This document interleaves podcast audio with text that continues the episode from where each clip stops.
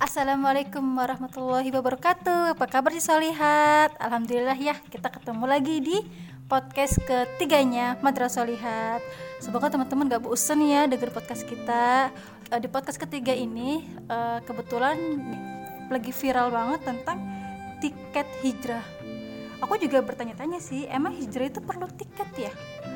Emangnya sertifikat macam apa sih yang ditawarkan untuk orang-orang yang sedang hijrah nih kan? Dan kebetulan hari ini aku ditemani oleh Mbak Tri dan Telilis Assalamualaikum Mbak Tri. Assalamualaikum Telilis Waalaikumsalam warahmatullahi wabarakatuh. Semoga Mbak Tri sama Telilis dalam keadaan sehat walafiat ya. Amin. Pertama aku menanya nih ke Mbak Tri deh. Mbak Tri ya kan seperti yang kita ketahui nih ya kan gelombang hijrah ini nih lagi happening banget lagi tinggi-tinggi banget dari semua kalangan. Dari kalangan atas menengah dan bawah. Dari dari zaman SMP pun itu udah apa ya kalau misalnya eh, apa ya kalau dulu tuh aku SMP dengar kajian tuh sesuatu yang momok yang menyeramkan. Tapi tuh sekarang untuk teman-teman SMP pun yang datang ke kajian SMA juga sekarang udah kajian tuh diburu banget. Apalagi teman-teman kuliah dan kerja ya kan? Terus apa ya? Dan kajian ini kan ada yang berbayar dan ada yang berbayar. Nah sebenarnya untuk datang ke kajian itu perlu nggak sih yang apa ya bayar gitu? Perlu nggak sih? Terus kalau menurut Mbak Tri sendiri kajian yang berbayar itu seperti apa? Kayak gitu sih Mbak Tri Bismillahirrahmanirrahim. Sapa dulu teman-teman yang di luar sana ya. Assalamualaikum warahmatullahi wabarakatuh, teman-teman. Semoga eh, hari ini teman-teman dalam keadaan sehat walafiat. Eh, terus kita ketemu lagi nih di podcastnya Madrasah Lihat yang ketiga, walaupun hanya lewat suara saja. Hmm, hijrah ya. Sebenarnya kita sering banget ya ngobrol masalah hijrah. Kayaknya nggak selesai-selesai ya, Kak Vita ya.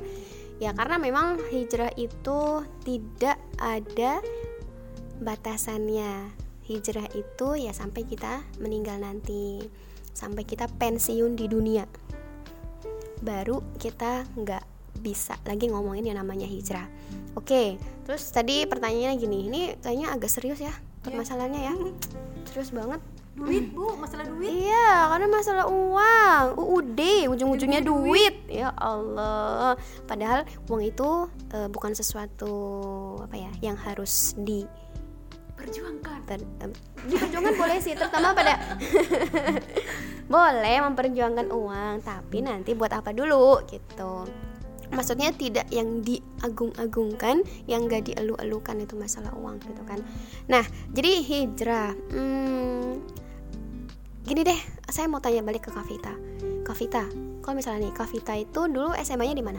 Contohnya aja ya, misalnya gini. Kavita itu SMA XX ya. ya Ya, terus kemudian ada adik kelasnya eh, tiba-tiba diterima di SMA SMA tersebut seneng nggak? seneng lah Seneng, Seneng. gitu. Itu adalah sekolah favorit. Terus kemudian eh, ya setiap orang itu mendambakan Betul. sekolah itu, itu kan seneng ya, happy ya. Nah, begitupun kita. Jadi kalau ada seseorang yang berbondong-bondong pengen ngaji Islam, pengen belajar Islam, harusnya kita seneng banget. Karena jadi nggak B aja gitu enggak lah kalau eh, biasa aja ya itu mm, tidak mencirikan kita sebagai seorang muslimah. Jadi tuh ada ada beberapa orang yang memanfaatkan kehijrahannya itu tren hijrahnya itu untuk mendapatkan sesuatu. Mm-mm. entah misalnya dia lagi eh, pamornya lagi turun terus dia hijrah tiba-tiba Terus naik naik lagi. gitu kan. Jadi dia hanya sebagai statusnya aja sih. Nah itu apakah kita boleh kayak gitu? Curiga lah sama orang yang baru hijrah dan kita tahu bahwa masa lalu dia tuh nggak nggak baik-baik aja Ah, jadi yang pertama kali yang harus kita lakukan kalau ada saudara kita yang eh, hijrah gitu, yang pertama kali adalah mendoakan kan ya. ya pasti. mendoakan, mendoakan. Nah, terus tapi Mbak, eh, kok saya jadi curiga ya? Jangan-jangan dia tuh hijrahnya gara-gara A. betul apalagi gara-gara nikah tiba-tiba ngomongin nikah pemirsa Eh, ini UUN ujung-ujungnya nikah atau UUJ UUJ ujung-ujungnya jomblo ya Mm-mm. Oke jadi kan itu artinya kita berpikiran negatif. Ya kan? Seuzon sama orang gitu. Jadi yang pertama kali kita harus lakukan itu adalah mendoakan mereka gitu. Perkara nanti ternyata uh, beliau-beliau ini salah niat. Nah di sini kan nanti tugas kita mengingatkan kak. Jadi kita tugas kita itu mengingatkan kita ingat tuh ingatkan bagaimana uh, ihsanul amal apa itu ihsanul amal? Perbuatan yang baik itu seperti apa? Niatan baik dan caranya yang baik. Nah ini kalau misalnya ada orang-orang yang kayak yang seperti ini ya mentalik ya. Kalau ada orang yang niatan hijrahnya itu belum lurus belum baik itu nanti ya Allah akan membukakan gitu membukakan. Tapi kita sebagai seorang muslim jangan pernah seuzon sama orang. Karena perkara niat itu hanya hamba dan Allah yang tahu. Tuh dengerin tuh. Berarti kalau ada berarti kalau ada teman-teman kita yang tadinya apa ya buruk banget masa lalu itu penuh dengan kemaksiatan terus hmm. tiba-tiba eh, berubah 360 derajat jadi baik berarti kita nggak boleh jangan-jangan hijrahnya karena ini lagi nih. Berarti nggak boleh enggak ya? enggak berarti, berarti pas teman kita kayak gitu kita seharusnya bilang alhamdulillah ya kita patut mendoakannya. Ya. Oke. Okay. Jadi gini kak, kalau kalau kita mau ngeliat uh, bagaimana kisahnya para sahabat Rasulullah gitu kan, uh, mungkin teman-teman di luar sana sering atau ada beberapa yang lihat filmnya Umar bin Khattab ya. Umar, aku ngefans sama Umar bin Khattab. galak, Umar. Gak apa-apa, tegas bukan galak ya. Sampai setan aja takut. Ya, takut karena Al Faruq bisa membedakan mana yang baik dengan mana yang buruk. Oke, okay? jadi semua sahabat Rasulullah ada plus minusnya ya.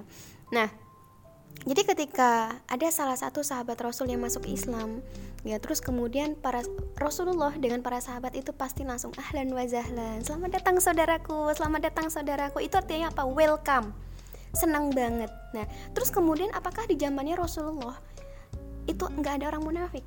Yeah ada kan? Oh, ada. Banyak orang munafik gitu kan. Banyak. tapi di sini Rasulullah itu apa? Langsung uh, ngejas mereka? Enggak.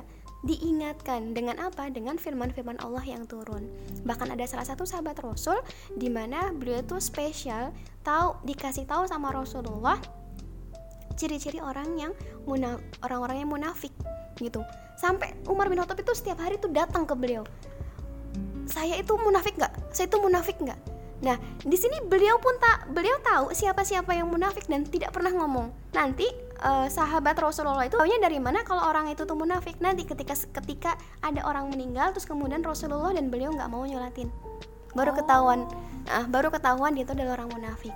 Nah, orang munafik ini adalah di, ketika di hatinya sama di lisannya itu berbeda kan? Betul. Nah nah berarti di sini kalau misalnya ya naudzubillah min gitu kan ya. Jangan sampai kita menjadi seorang munafik ya orang fasik gitu kan. Orang fasik ya itu dia sudah tahu bagaimana hukumnya tapi tetap menjalankan gitu kan ya. Sudah tahu haram tapi menjalankan gitu kan. Nah termasuk orang-orang yang hmm, ya mungkin salah orang-orang yang salah niat gitu kan ya. Itu uh, kalau orang yang sudah mulai belajar hijrah berarti kan sedikit-sedikit sudah tahu bagaimana hukum-hukum hukum-hukum Islam. Tapi ternyata nanti berbalik arah gitu kan berbalik arah karena ya ada permasalahan tertentu gitu kan ya.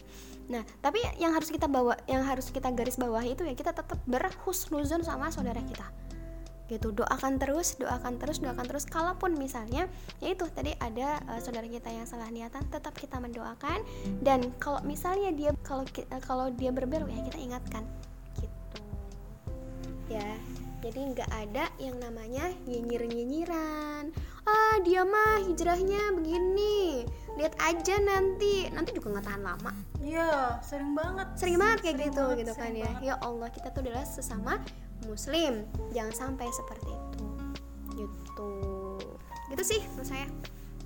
Oh iya terus tadi satu lagi ya pertanyaan hmm, jadi lupa gara-gara kamu ngomongin nikah. Loh. Nah jadi kalau kajian kajian yang ada HTM-nya tuh gimana? Iya Kak Vita, um, Mbak Tri mau tanya lagi. Ya. Kak Vita pernah ikut seminar? Pernah dong. Selalu ada HTM-nya nggak? Ya iyalah. Yang didapat apa? Lumayan sih, sertifikat sama ya kan dapat ilmu pasti Yalah. ya dapat snack dapat makanan ringan dapat ya, minuman dapat sertifikat betul. gitu kan ya nah terus pernah nggak kita berpikir biasanya seminar di mana di gedung atau di lapangan lah. pernah nggak kita berpikir gedung itu kita sewa iya sih pasti nah uang sewa itu dari mana? Oh iya iya. Ya gitu. Jadi eh, sebenarnya kalau saya pribadi gitu kan kalau ngelihat ada ada beberapa komunitas ada satu komunitas yang ngadain kajian terus kemudian free gitu. terus ada juga komunitas yang ngadain kajian terus dia berbayar HTM tuh kita yang pertama kali kita harus tanamkan dalam, diri kita itu jangan langsung ngejudge. Jangan langsung eh, berburuk sangka terhadap komunitas tersebut. Sampai berpikiran ah mau ambil untung aja. Gitu. Nanti juga uangnya masuk kantong gitu. Nah ini kita eh, tanamkan tanam, tanamkan dalam diri itu lagi-lagi kita jangan bersuuzon bersuuzon terhadap saudara kita yang muslim. Gitu. Kita nggak tahu seberapa besar pengorbanan mereka pada saat mau membuat sebuah kajian. Setahu saya gitu kan kalau misalnya ada komunitas terus kemudian eh, mereka membuat kajian terus tidak berbayar alias free gitu itu mereka punya kas misalnya punya eh, uang cadangan gitu yang tidak mengharuskan peserta untuk membayar HTM membayar uang tiket karena mereka biasanya tuh nih komunitas yang udah besar atau mungkin disponsori oleh perusahaan tertentu. Disponsori oleh lembaga tertentu. Jadi tidak harus membutuhkan uang eh, HTM dari peserta gitu. Pasti mereka eh, ketika pun yang tadi saya tanyain ke Mbak eh, Mbak Vita gitu kan ya kita seminar aja di gedung ber AC sound systemnya bagus ada LCD terus ada screen gitu kan. Nah itu semuanya itu adalah fasilitas fasilitas gedung yang ada biaya sewanya gitu. Jadi adalah eh, hal yang wajar banget kalau misalnya ada sebuah kajian tuh berbayar. Karena apa? Di sini harus ada bayar kayak contohnya sewa gedung berapa terus peserta dapat makanan ringan dapat goodie bag dapat souvenir kenang-kenangan gitu kan ya kenang-kenangan dari panitia. Terus kemudian panitia yang eh, dengan sukarela memberikan energinya agar acara itu berjalan dengan lancar gitu kan.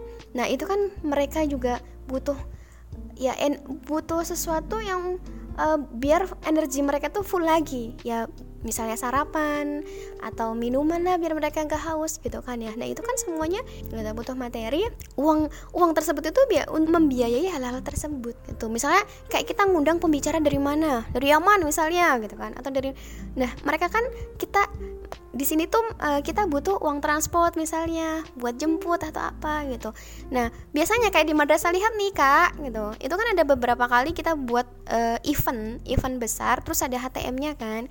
Nah terus kita sebelum kita buat acaranya itu kita bikin buat anggaran narasumber berapa transport narasumber terus kemudian biaya gedung sewa gedung terus apalagi souvenir Nah, termasuk goodie bag dan segala macam terus dihitung-hitung. Nah, dan biasanya gitu kan, kalau ada orang-orang yang di dalam komunitas ini tuh dari HTM ini jarang banget plus, bahkan seringnya minus. Gitu. Jadi, yang tadi pertama itu jangan pernah eh, ngejudge.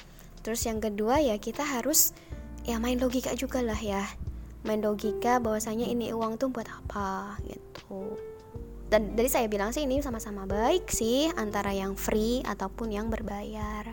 Toh di sini tujuan kita itu adalah ngajinya. Kalau kita flashback gitu ya terhadap ulama-ulama besar ya, Imam Syafi'i, Imam Hambali, Imam Hanafi, beliau-beliau ini untuk mencari ilmu itu harus pergi jauh ke Mekah, ke Madinah itu mencari hadis.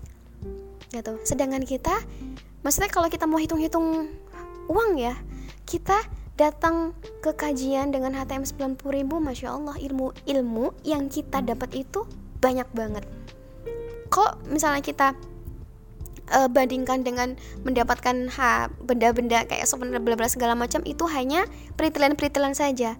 Yang paling utama itu adalah ilmunya. Jadi gitu ya mbak. Hmm, aku jadi paham. Kan ada beberapa orang yang bilang ngaji kok bayar? Yang namanya gaji itu kan kita kan mencari ilmunya Allah. Yang namanya yang namanya kita mencari sesuatu untuk Allah ya gratis. Ya, ternyata kalau dipikir-pikir nih secara logis ya uang 90 ribu atau 100 ribu atau 150 ribu itu sebenarnya nggak sebanding ya. Sama kayak taruhlah seminar kayak oh iya sekarang tuh kan lagi happening banget masalah konser mbak. Konser Korea itu tiketnya ya Allah aku ngulus dada. Tiketnya paling murah 950 ribu. Dan itu ngantri dari pagi. Itu belum termasuk souvenir jadi kalau misalnya aku Kita banding tahu ya. oh tahu. Kan aku up to date. Baiklah. aku kan up to date bukannya aku nggak bisa datang karena mahal. Maksudnya aku lagi cari-cari oh iya ya kenapa yang gaji berbayar ya? Aku kan juga apa ya sebagai orang yang sedang hijrah pun aku nggak mau tenggelam dalam eh, berita-berita yang menyesatkan. Apalagi sekarang tuh zamannya itu kita nggak tahu ya mana yang benar dan mana yang terlihat benar. Itu sangat amat tipis ya kan? Jadi itu aku pengen cari tahu kenapa yang mesti bayar. Dan bayarnya pun juga sebenarnya mesti terjangkau ya. Beberapa orang terjangkau banget ada yang biasa aja. Tapi menurutku nih uang paling mahal itu kajian itu paling mahal saya setahu aku 150 ribu ya kan? Yang dapat ilmu souvenir dan snack. Sedangkan kalau tiket konser Korea ini ya ya ampun itu 950 ribu di tribun. Tribun itu paling jauh mbak dari panggung. Dan kita Paling atas ya? paling atas paling atas paling jauh ya kan? Kalau yang paling depan itu namanya festival. Itu yang aku lihat tiketnya 2 juta 150 deh. Itu kita diri mbak. Kita nggak duduk kita diri. Dibela-belain ya. Iya, dan itu kita ngantri tuh dari pagi. Nggak mungkin. Kalau uh, Tribunnya festival itu kan nggak mungkin kita datang langsung duduk enggak. Kita kita datang paling pagi sengaja biar kita paling deket biar kita ngeliatnya paling deket sama si biasnya itu. Gitu. Jadi langsung kayak ya oke lah. Jadi aku nggak perlu hitung hitungan lagi masalah kajian berbayar. Oke. Thank you Mbak Tri. Tapi aku masih masih ada pertanyaan lagi nih. Telilis kajian hijrah yang berbayar itu kan salah satunya dapat sertifikat ya. Emang sebenarnya hijrah itu perlu diakuin gak sih? Kayak kayak seminar itu kan dapat sertifikat ya kan? Telah mengikuti seminar bla bla bla bla gitu kan contohnya. Atau mungkin kayak kita sekolah pun kita kita dapat sertifikat berupa ijazah. Terus pas kita training pun juga ada sertifikat kan? Telah telah menjalani training bla bla bla atas nama siapa gitu kan? Sebenarnya untuk hijrah sendiri perlu pengakuan dalam bentuk sertifikat atau apa gitu Telilis aku masih bingung nih kalau untuk masalah sertifikat ini Nah, giliranku ya. Oke, terima kasih Kak Pita. Ya, assalamualaikum sebelumnya para salihat semua yang ikut eh, dengerin podcast pada hari ini. Dan ini adalah pertama kali aku ikutan podcast. Tadi sudah diperkenalkan sama Kapita, kalau nama saya itu Lilis. Nah, itu tadi ada pertanyaan apa perlu pengakuan kita ketika kita hijrah? Sebenarnya kita kembalikan lagi di awal niat kita. Apakah hijrah kita itu betul-betul ada dorongan masalah duniawi atau betul-betul hijrah kita itu betul-betul karena Allah Ta'ala saja Nah sebenarnya kalau misalnya kita hijrahnya karena Allah kita sudah tidak perlu lagi pengakuan dari manusia atau apa pun Meskipun sekarang yang lagi booming itu adalah masalah eh, hijrah yang meng- yang mendapat sertifikasi hijrah di salah satu tempat kajian nah itu kita mesti harus eh, berhusnujon kepada setiap orang yang mengikuti kajian tersebut karena kita tidak tahu kalau misalkan sebenarnya kajian-kajian yang mereka buat atau para panitia yang buat berbayar itu kita eh, apa yang akan mereka suguhkan ketika kita hadir di situ. Nah, satu hal lagi, kalau misalkan kita memang betul-betul eh, ngerasa hijrah kita itu karena Allah dan kita mengikuti kajian yang berbayar, sebetulnya tidak ada masalah sedikit pun, karena awal tujuan kita menuntut ilmu itu pasti karena Allah mau dia berbayar atau tidak berbayar pasti kita akan ikut ke kajian tersebut. Terus kalau misalkan ada orang yang memandang remeh ke kita atau memandang kok kamu ikut kajian-kajian seperti itu, apakah kita ikut dan termasuk kepada salah satu mereka bagian dari mereka? Kalau hijrah kita itu pengen diakuin sama orang enggak juga. Tapi kembali lagi kita itu mesti harus berhusnujan kepada setiap orang yang kita kenal. Jadi sebelum kita menghakimi atau menilai diri orang lain itu diri nilai diri sendiri dulu. Karena apa yang tertuang dalam pikiran kita itu pasti awal muasalnya itu ada di dalam hati kita yang kita ungkapkan melalui kata-kata misalnya seperti itu. Nah, kalau misalkan kita memiliki sifat curiga seperti itu sama teman-teman kita yang baru saja berhijrah apalagi mereka berhijrahnya itu hanya ingin mendapatkan pengakuan apalagi tadi sudah sedikit disinggung uh, Kavita bilang ada sebagian dari sahabat-sahabat kita yang hijrahnya itu memang mereka karena ingin menaikkan apa tadi? Ya menaikkan pamor mereka atau karena mereka sudah ada di bawah kepopularitasannya dia ya jadi asas manfaat mereka untuk meraih uh, dunia nah itu kembali lagi ke kita jadi kita itu tidak perlu menghakimi orang lain. Ya tadi sudah disebut juga kalau misalnya kita itu harus banyak mendoakan orang yang berhijrah, ya itu tentu. Tapi yang jelas kita juga mesti harus mengajak orang-orang yang hijrahnya tadi cuman baru sendirian ya kita rangkul biar mereka itu ada di komunitas yang memang bisa mengingatkan mereka ketika mereka mau kembali jatuh ke dalam kemaksiatan. Karena ketika kita hijrahnya hanya mengikuti trendy atau hanya ingin menjadi atau hanya ingin meraih popularitas popularitas itu tidak akan pernah langgeng. Kita sudah melihat banyak faktanya. Mungkin fakta yang di media-media itu jauh lebih mudah kita temukan. Teman-teman silahkan cari sendiri kira-kira siapa yang dulunya berhijrah. Tetapi setelah kita lihat hijrahnya itu tidak istiqomah misalkan dia kembali lagi ke masa kelamnya. Nah, kembalinya dia ke masa kelam itu karena dia hijrahnya itu hanya menghijrahkan dirinya sendiri tanpa melihat uh, tanpa ikut komunitas yang seterusnya. Atau dia masih berada di komunitas yang sebelumnya karena itu sangat menentukan sekali. Ketika dia berhijrah hanya meng, hanya menghijrahkan diri sendiri tapi lingkungannya tidak itu kemungkinan besar dia akan kembali kepada kemaksiatan yang pernah dulu dia lakukan karena hijrah kalau sendirian itu rentan akan kembali kepada kemaksiatan tapi ketika dia hijrahnya bareng-bareng dan dia sering banget datang ke kajian-kajian yang tadi mungkin walaupun misal, misalkan berbayar kayaknya sih kalau menurut aku pribadi mau berbayar atau tidak berbayar ketika hijrahnya itu karena Allah dia tidak akan pernah e, merasa keberatan untuk membayar sebesar apa pun lagian berbayar tersebut kan untuk kepentingan diri sendiri juga, bukan untuk kepentingan panitia yang melaksanakan acara tersebut. Se eh, mungkin sebagian teman-teman yang sudah pernah ikut ke kajian-kekajian berbayar bisa membedakan kepada eh, bisa membedakan kajian-kajian yang tidak berbayar.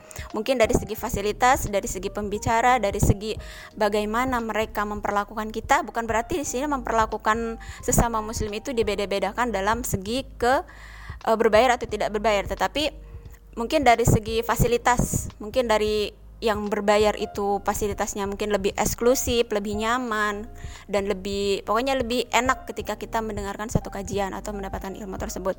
Karena berbeda sekali ketika kajian-kajian umum itu kebanyakan atau umumnya itu mereka di tempat yang terbuka. Jadi siapa pun boleh ikut karena memang itu tempat yang umum dan gratis. Karena segala sesuatu yang berbayar bukan berarti memberatkan uh, memberatkan orang-orang yang ingin ikut kajian tersebut. Insya Allah kalau misalkan memang niatnya karena Allah pasti Allah mampukan dan Allah pun akan memberikan jalan sebesar apa pun biaya yang akan dikeluarkan oleh pes, uh, para panitia untuk menarik peserta datang ke kajian mereka. Mungkin itu aja sih. Jadi gitu ya teman-teman, ya ampun, masya Allah ya berarti kita udah ada pencerahan ya kan, khususnya untuk aku gitu kan. Kayak pertama ya kan masalah kajian berbayar atau nggak berbayar, terus sebenarnya ya sebenarnya itu sama-sama penting ya. Yang berbayar penting dan yang nggak berbayar juga penting ya kan? Tergantung dengan isi kajiannya tersebut ya kan? Dan kita juga bisa pilih-pilih mana kajian yang bener-bener ngasih ngasih kita ilmu tentang Allah mana mana yang uh, kajian sebenarnya itu hanya usul mereka untuk menyesatkan. Kayak kita aja dan menyesatkan dalam arti kata tuh ada beberapa apa ya kayak semacam nggak suka dengan komunitas hijrah gitu kan. Ada yang apa yang menggunakan hijrah gelombang hijrah ini sebagai asas manfaat ya kan.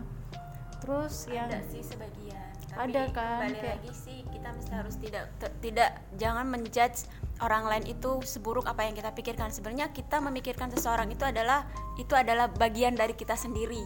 Jadi ketika kita ber uh, ketika kita menilai buruk terhadap orang lain sebenarnya itu adalah menentukan posisi kita itu berada sama persis seperti apa yang kita eh, persepsikan kepada orang lain sebenarnya gitu. Jadi kalau misalnya kita memandang orang lain baik, berarti kita sudah menata hati kita kalau kita itu berusaha untuk menjadi baik.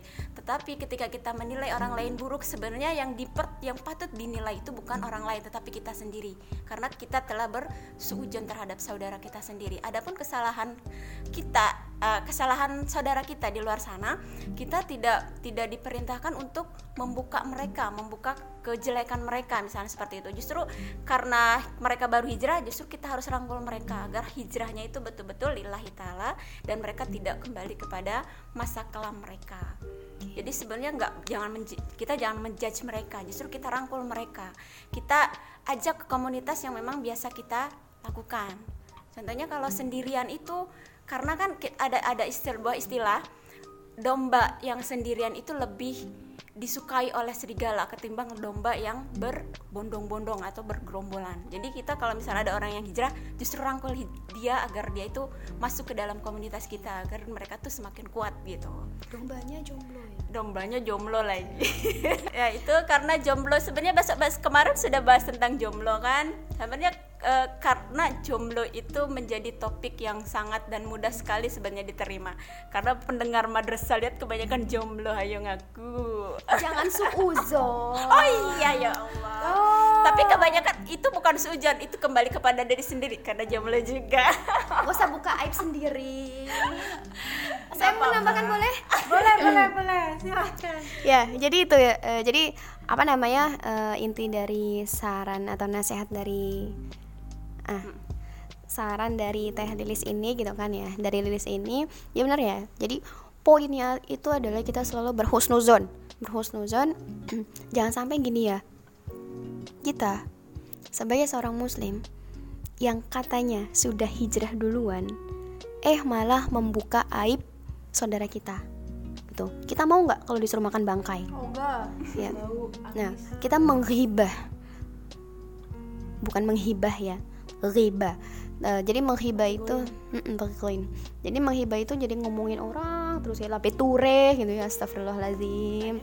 Mm, mungkin lambe-lambe yang lain gitu kan ya. Tangan boleh Nah, melambaikan tangan boleh. Bagi ahwan, ahwan tak boleh. Eh, tukang ojek kayak Mbak Ugi kemarin bilang Apa? Ya. Orang melambai melambai lambaikan tangan "Ih, itu orang ganjen banget sih. Ah, ternyata lagi tak manggil tukang ojek gitu ya. Oke, baiklah. Ini jangan sampai kita malah jadi ajang eh, hibah di situ, membicarakan aib-aib orang lain eh, yang harus kita lakukan itu malah merangkul harusnya eh malah kita menghibah gitu. Padahal Allah itu sudah memberikan ini loh mm, jaminan bagi orang-orang yang menutup aib saudaranya di dunia. Apa kata Allah? Eh, Allah itu akan men- menutup aibnya di akhirat ketika kita bisa menutup aib saudara kita di eh, di dunia gitu. Jadi lagi-lagi husnuzon. Jangan malah dijadikan sebagai ajang berribah menggosip gitu. Digosok makin sip gitu ya. Makin asyik makin asik gitu. Yang ada dosanya. Makin banyak pahalanya makin menipis. Iya gitu. Itu kalau mang menggosipin gitu. Ya semoga kita terhindar dari hal-hal eh, yang menjerumus menjerumuskan kita ke lubang hibah. Apalagi kita cewek ya aduh cewek mah ya ya Allah ketuk Gosip tuh gak seru Mbak. ke tukang sayur aja ujung-ujungnya Gosip Hmm, makanya gitu astagfirullahaladzim padahal Seperti itu Allah- ya yang belum mengaji ya kita menggosip, kita Iya. mau menggosipkan ini kayak kita sekarang lagi menggosipkan masalah hijrah ya kan? Iya, makanya makanya kita tuh kan dititipin lisan ya sama Allah kan ya. Ini titipan loh, titipan dari Allah lisan Oh, ini. bukan mulut ini kan buat mulutku mbak Iya dong, mulut memang mulut kita ada di tubuh kita, tapi tapi ini adalah titipan dari Allah. Gunakanlah sesuatu yang dititip di, apa ya sesuatu yang Allah titipkan ke kita itu buat yang baik-baik karena nanti nanti dia mulai hisab itu ditanya loh. Lidahmu buat apa? Seharusnya dari dari kalau kita ngomongin masalah lidah ya, sebenarnya Allah sudah memperingatkan kita dari awal.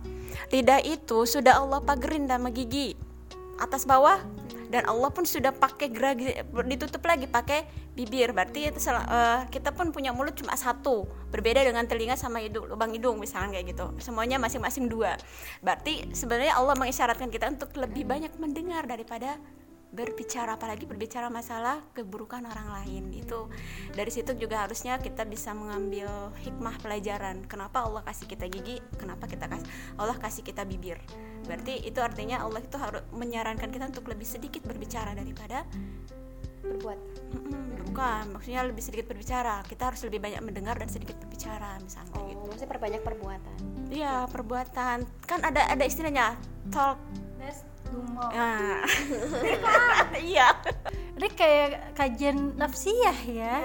Karena Masya kan- Allah. karena sebenarnya yang dibahas di luaran sana karena mereka itu menjudge saudara-saudaranya sendiri itu sebetulnya kembali kepada diri mereka sendiri. Mereka itu sudah menilai saudaranya dengan sedemikian rupa tanpa tabayun terlebih dahulu. Harusnya kan ketika dia membicarakan maksud maksudnya kita sendiri nih berbicara seperti ini kita tuh tidak langsung ngomong kan kita me- melakukan riset dulu. Contohnya siapa yang berbicara dan apa yang mereka lakukan benar atau tidak dan sumbernya dari mana. Itu kan penting banget. Jadi kita tuh nggak nggak sembarang ngomong. Karena kita apa yang kita bicarakan itu akan dipertanggungjawabkan di hadapan Allah. Kita nggak mau hanya gara-gara ngomongin masalah orang lain kita jadi nggak jadi masuk surga. Itu nauzubillah min dzalik banget. Jadi saudara jadi untuk teman-teman atau saudara-saudara para pengemban dakwah di luar sana mohon untuk eh, bertabayun terlebih dahulu ketika mau mengomentari sesuatu hal jadi kita kembalikan kepada diri kita sendiri dulu. Setelah itu kita tabayun dengan masalah atau kalau sekarang itu istilahnya kayak sosial eksperimen itu penting banget untuk jadi ketika kita berbicara itu memang sesuai dengan fakta adanya. Jangan sampai kita ngomong tanpa ada fakta gitu. Akhirnya kalau tanpa fakta kita eh, apa yang kita bicarakan itu bisa berujung fitnah. Sedangkan fitnah itu kata Rasulullah bilang em, se apa seburuk-buruknya perbuatan. Jadi fitnah itu membunuh secara pelan-pelan apalagi kan sekarang banyak banget kasus-kasus yang mem, eh, memfitnah si ini A, memfitnah si B misalnya seperti itu. Dia berkomentar tanpa tidak bertabayun terlebih dahulu. Kita sebenarnya tidak menyalahkan orang lain juga, cuman kita menyayangkan dengan apa yang dia apa yang dia komentarin. Karena kayaknya kurang pantas deh ketika seseorang berilmu tinggi dia mengomen- mengomentari sesuatu hal yang sebetulnya bisa diselesaikan secara kekeluargaan misalkan atau secara didatangi sama orang yang memang bersangkutan bertabayun terlebih dahulu misalnya gitu. Jadi ya itulah kita itu harus seperti itu. tenang ya maksudnya kayak gimana ya kalau kayak gini tuh bikin aku tuh jadi mantap buat datang ke kajian yang bener-bener gimana ya mak- maksudku tuh gini loh kak. Baterai materialis kan yang kita ketahui kan sebenarnya kan Islam itu kan sempurna. Islam itu kan memudahkan. Dan is- dan Islam itu kan apa ya menenangkan hati menenangkan pikiran. Dan apa yang ditawarkan dengan apa yang ditawarkan oleh Islam itu ya ya pas buat kita gitu kan. Yang tadi aku bilang sebelumnya kan aku tuh aku tuh pun bingung mana kajian yang bener-bener menenangkan hati kita yang sedang panas di dunia gitu kan maksud maksudnya panas di dunia tuh apa ya dengan banyaknya fitnah terselubung banyaknya aksi-aksi yang sengaja memojokkan Islam dan banyak juga yang mata-mata tuh yang salah lihat dalam arti kata tuh pacaran dimudahkan, miras itu diperbolehkan, tapi malahan orang-orang yang mau mendekatkan kepada Allah malahan dihujat, malahan tuh dibully. Itu loh maksudnya kayak kok Islam menenangkan dan Islam menyenangkan itu Ya, seperti apa seperti gitu. apa gitu loh. Kayak gitu loh Mbak Tia sama Tia Lilis. Jadi buat teman-teman tuh biar paham dan oh jadi tuh Islam yang sebenarnya tuh sebenarnya Islam itu tenang dan senang tenang dan senang gitu kan. Tapi tergantung orangnya kan. Tapi kita sendiri tuh pun bingung. Ntar dia ini lagi ntar itu orang lagi. Jadi jatuhnya kayak balik lagi ke suuzon sama orang lain. Padahal itu kan sebenarnya nggak boleh kan. Kayak gitu sih bantu sama Telilis mungkin bisa dibantu? Oke, ya Bismillahirrahmanirrahim. Hmm, Islam yang menenangkan dan Islam yang menyenangkan. Tuh. Oke, jadi gini. Eh, tadi tuh Kak Vita ngomong gini ya, apa namanya banyak provokator-provokator gitu, manas-manasi gitu ya, ngompor-ngompori gitu ya, beleduk gitu, ngompor beleduk gitu. Itu kayaknya gara-gara gasnya berwarna hijau deh. kok Meletus balon hijau. Garing banget. Eh tapi ketawa. itu yang lucunya itu. kan tawa tapi garis yang ini lo menyesatkan garis tapi ketawa Garing itu berarti renyah. Iya betul. Yuk, gitu ya.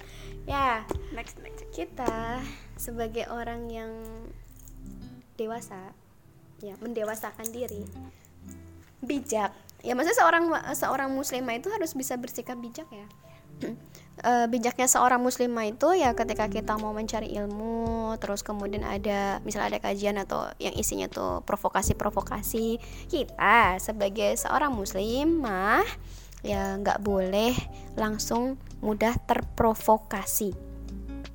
Nggak boleh mudah nggak boleh menjadi pribadi yang mudah terprovokasi. Kalau kita misalnya mendapatkan informasi tertentu kita langsung cari tahu dulu. Kan kayak Kavita sama aku. Waduh mbak terima. Kalau sudah kalau udah kepoin gitu kan. Karena uh, saya pribadi nggak mau mm, langsung menelan mentah-mentah apa yang aku info aku yang aku dapatkan. Yang uh, info yang aku dapatkan gitu jadi ya itu apa namanya uh, kita menjadi pribadi yang kuat gitu. Terus kemudian untuk menjadi pribadi kuat itu gimana? Biar nggak mudah terprovokasi. Kita tahu kita harus harus mencari ilmunya.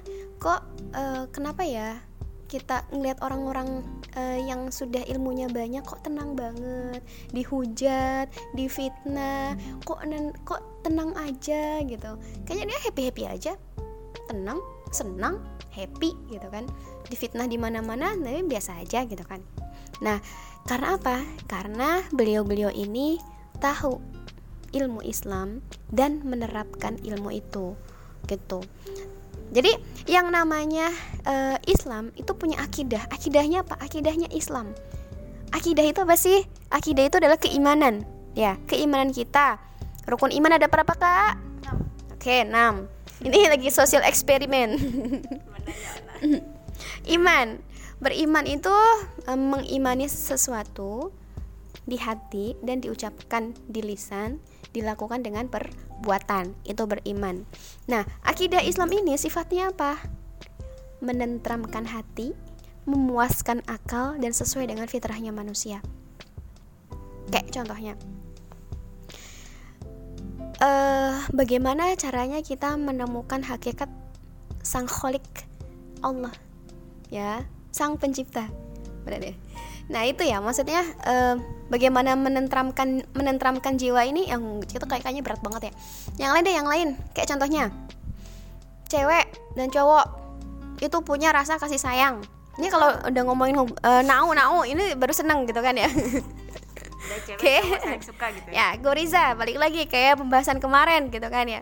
Goriza itu uh, dari apa ya dari manusia itu sendiri laki-laki dan perempuan itu punya uh, punya godesa nau gitu kok bisa mbak kita bisa bilang Islam itu menentram menentramkan menenangkan gitu kan ya contohnya aja kayak tadi tadi itu kan laki-laki dan perempuan punya goriza nau terus kemudian karena kita itu sudah beriman beriman kepada Allah nah, untuk memenuhi goriza itu dengan cara apa dengan cara menikah Nah, dengan cara menikah kan uh, doanya aja apa? Samawa, sakinah, mawadah, warohmah biar menjadi uh, bisa menentramkan, menenangkan gitu kan, penuh dengan rohmah, dengan penuh dengan kasih sayang gitu kan. Nah, ini kan solusinya dari Allah. Allah bilang ya udah kamu biar nggak galau terus nikah gitu kan ya. Nah itu kan menenangkan. Nah sedangkan kalau misalnya ada laki-laki dan perempuan terus kemudian memenuhi gurisan naunya dengan cara apa? Dengan cara pacaran. Pacaran. Yang ada uh, ada laki-laki dan perempuan di taman gelap-gelapan dia celingak celinguk nggak lihat kanan lihat kiri ada satpam nggak? Gitu kan ya. Nah terus kemudian ya itu dari segi ini aja dia sudah merasa nggak tenang gitu kan. Nggak tenang. Perbuatannya ya. Iya karena dia jadi gini yang harus kita garis bawahi apa? Sesuatu yang di dalamnya ada maksiat itu nggak buat nggak nggak bikin kita tenang. Yang ada bikin kita itu merasa takut terus karena dia maksiat. Gitu. Sebenarnya orang yang merasa takut hmm. itu udah masih ada keimanan dalam hmm. ya? Ada ada. Yang yang kayak tadi Batri bilang. Keimanan sama manusia tapi bukan sama Allah. Iya. Apa namanya kayak tadi Batri bilang? Ke taman dua-duaan celingak celinguk kanan kiri. Lihat kan ada orang lain nggak? Ada yang ini nggak tapi dia nggak sadar. Ada malaikat Israel di sebelahnya gitu kan ya. Kalau tiba-tiba lagi gelap-gelapan terus di taman terus malaikat Israel nyabut gitu. Apa kabar dunia dan akhirat? Kan? Tiba-tiba kayak apa, apa kabar mereka berdua? Ya apa kabar dunia dan akhirat gitu. Maksudnya nasib mereka di dunia dan akhirat gitu. Itu nenangin banget. Islam itu menen, menen, menenangkan. Kalau misalnya kita punya masalah nih mbak mbak Vita kita punya masalah. Ya Allah aku punya utang. Kok aku hidupnya miskin-miskin baik? Kok hidup gue gini-gini aja? Perasaan aku kerja udah 20 tahun gitu kayak rumah masih ngontrak gitu ya. Nah di sini Islam itu ngasih tahu kalau dalam Islam gak ada yang namanya orang miskin. Adanya orang dicukupkan. Kalau kita paham konsep rezeki ya hidup kita itu tenang. Walaupun misalnya gaji kita tuh cuma sejuta sebulan gitu kan.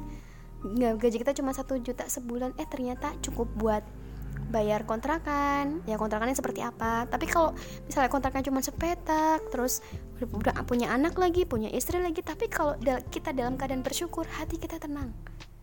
Hati kita tenang. Beda lain halnya kalau misalnya ada orang yang kaya rekeningnya di, di rekeningnya itu nolnya tak terhitung.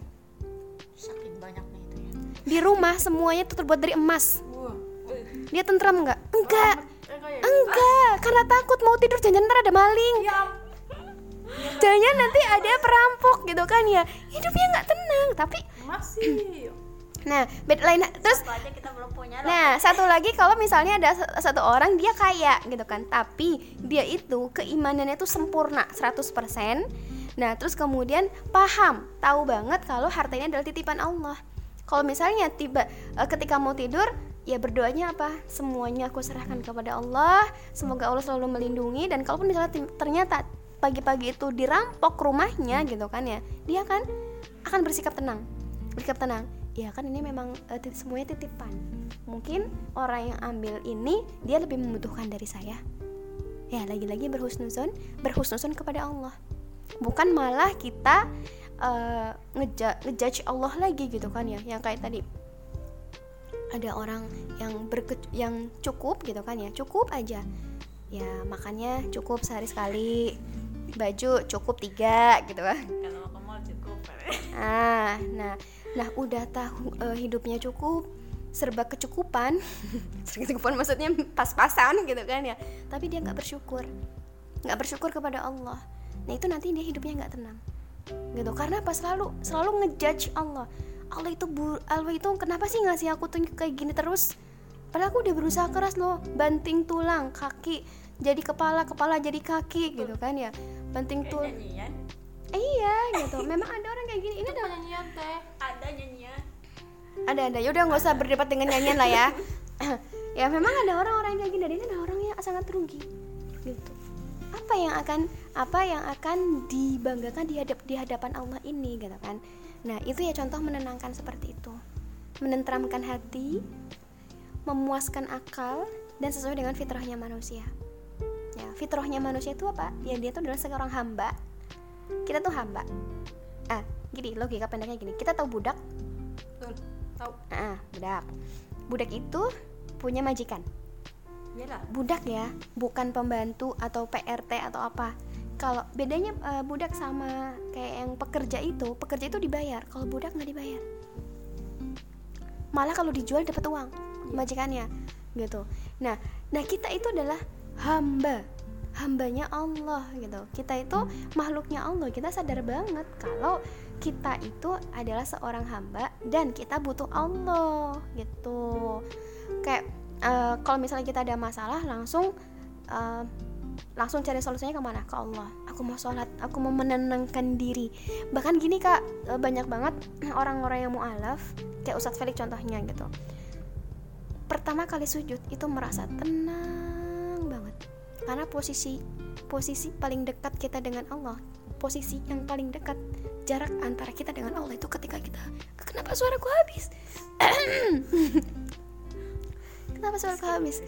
Ini sebenarnya kode minum minum ada minum? Ada minum. Ini baru garing kering. Ada galon. Tuh ya Allah. Ya. Kayak Ustadz Falik itu pernah bercerita gitu. Pada saat pertama kali uh, sholat sujud itu merasakan ketenangan banget. Tenang karena apa? Menyembah Tuhan yang benar. Menyembah Allah yang benar di situ gitu. Nah terus kemudian kita tahu bahwasanya ternyata uh, posisi paling dekat dengan Allah itu ketika kita bersujud. Tuh.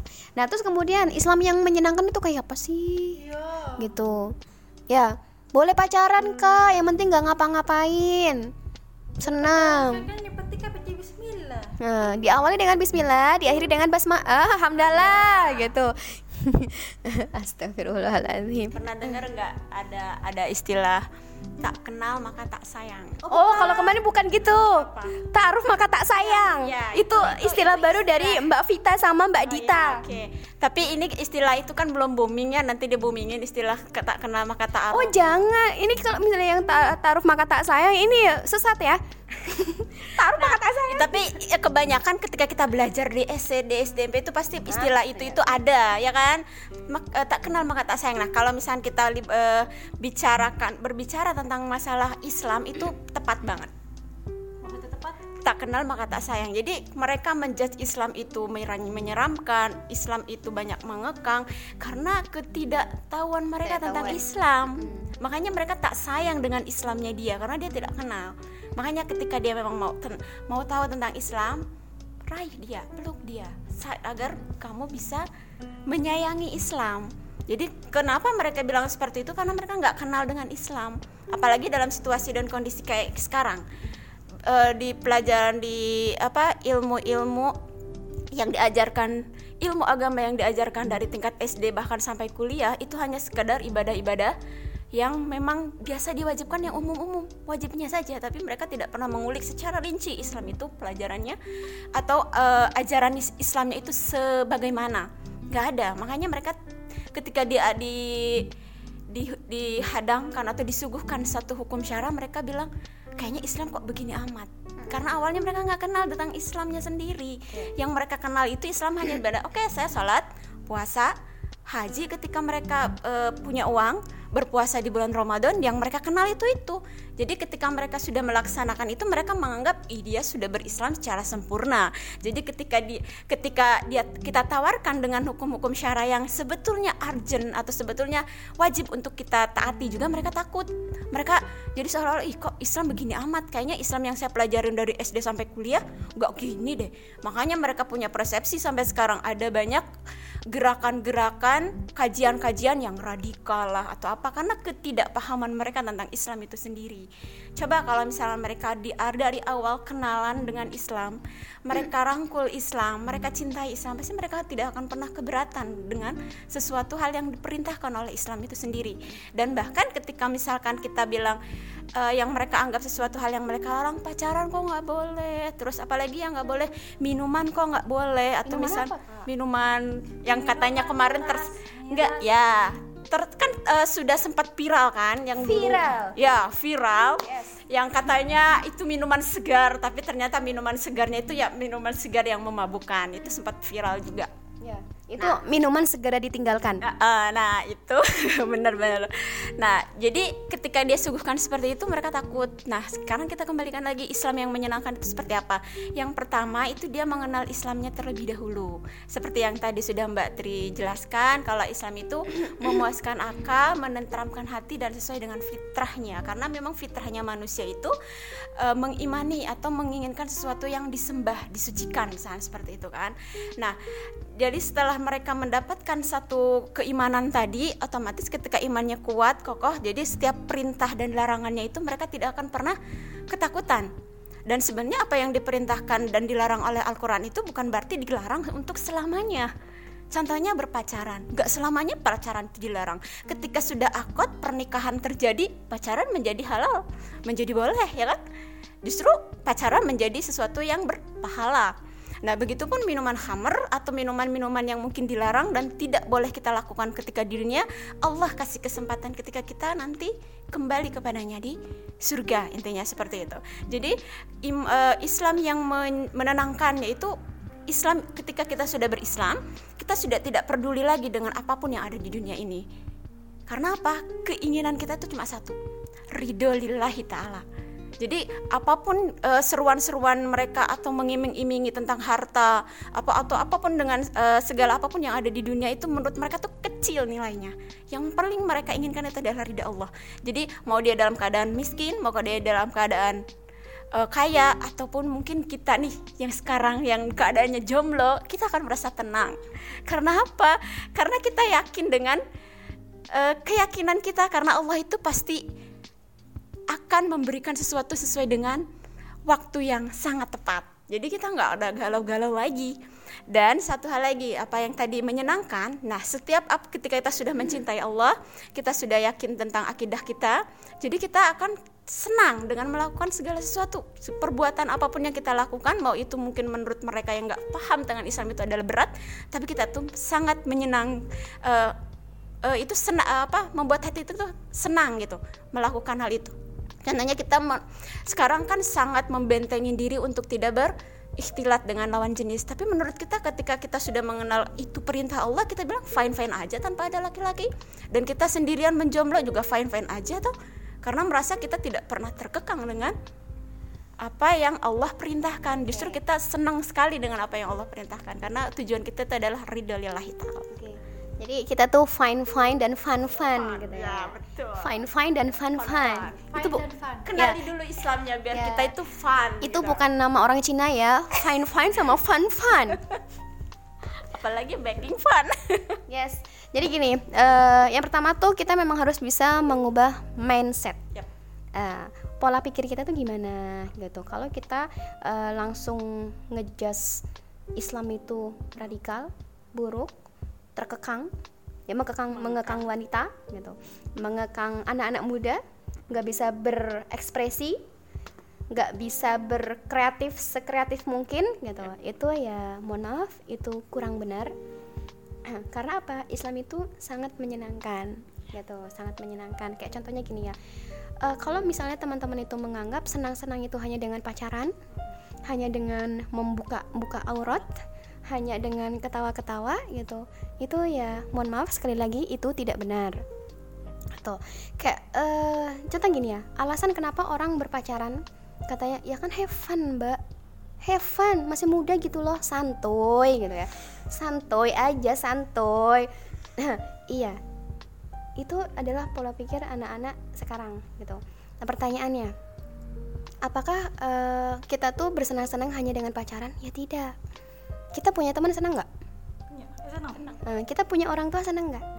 Kan tapi kan mbak rasa sayangnya tuh beda. Iya. Yo yo bu apa itu?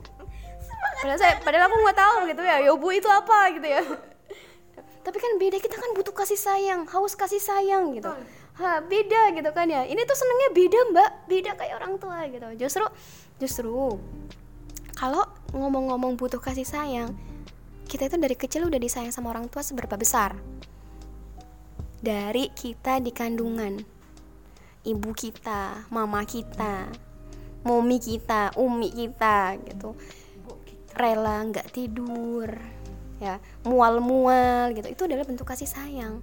Tapi kenapa uh, giliran kita remaja kita bilang kita kurang kasih sayang? Ya itu iya malah cari kasih sayang lain. The true love is our parents. Ibu itu kita yang bisa kita sentuh dan yang bisa kita uh, ya ibu kita sama ayah ayah kita gitu.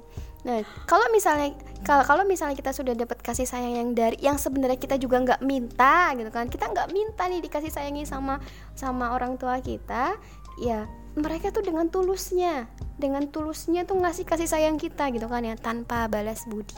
Sebenarnya sih mungkin mm. mereka bisa merasakan haus atau gimana itu karena faktor apa yang dia lihat sih mm -mm. karena faktor yang dia lihat itu kan sekarang banyak banget tuh ada apa film mm.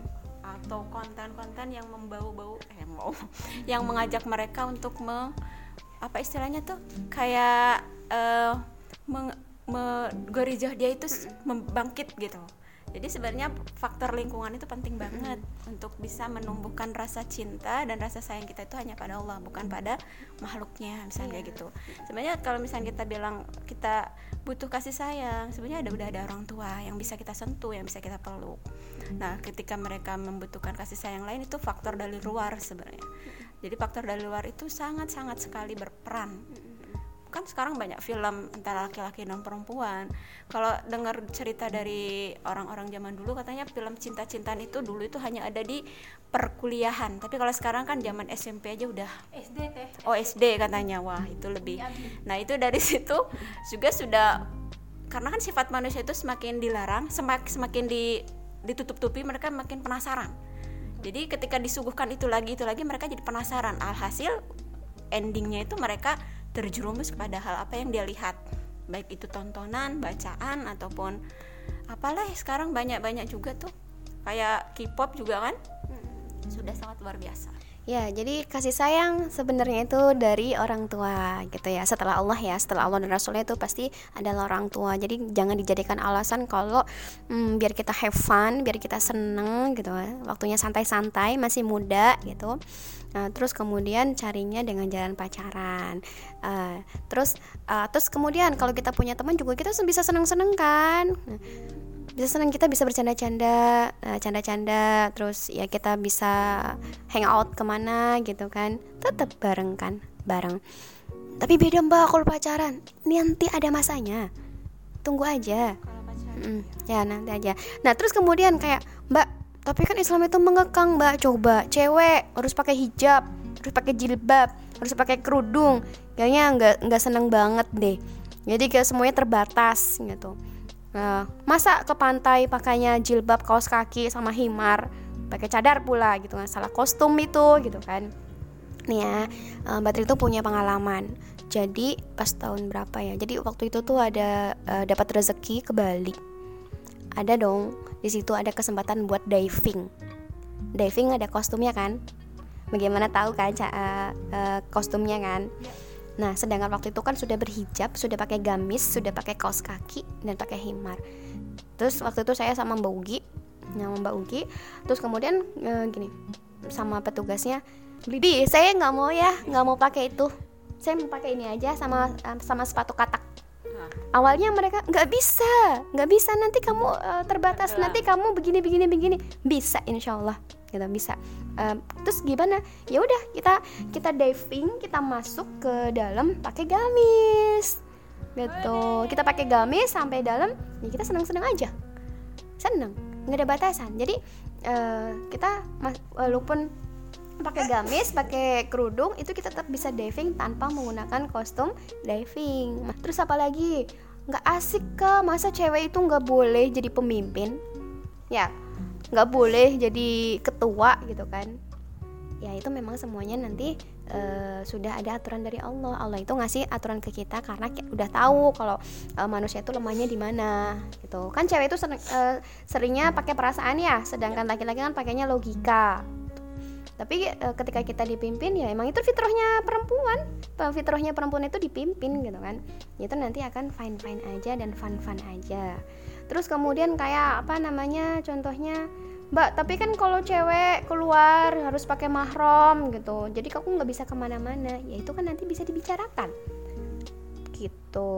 Jadi intinya tuh tadi kita mencari tahu lebih dalam lagi Islam itu seperti apa jangan kita tuh ngelihat dari covernya aja apa yang di yang diberitakan apa yang dibicarakan. Kita langsung uh, menerima dengan mentah-mentah gitu. Wah Islam radikal. Wah Islam tuh nggak enak banyak batasan gitu. Jadi Islam itu menenangkan dan menyenangkan gitu. Apalagi kalau kita bisa bersama-sama lagi ke surga itu akan lebih senang lagi.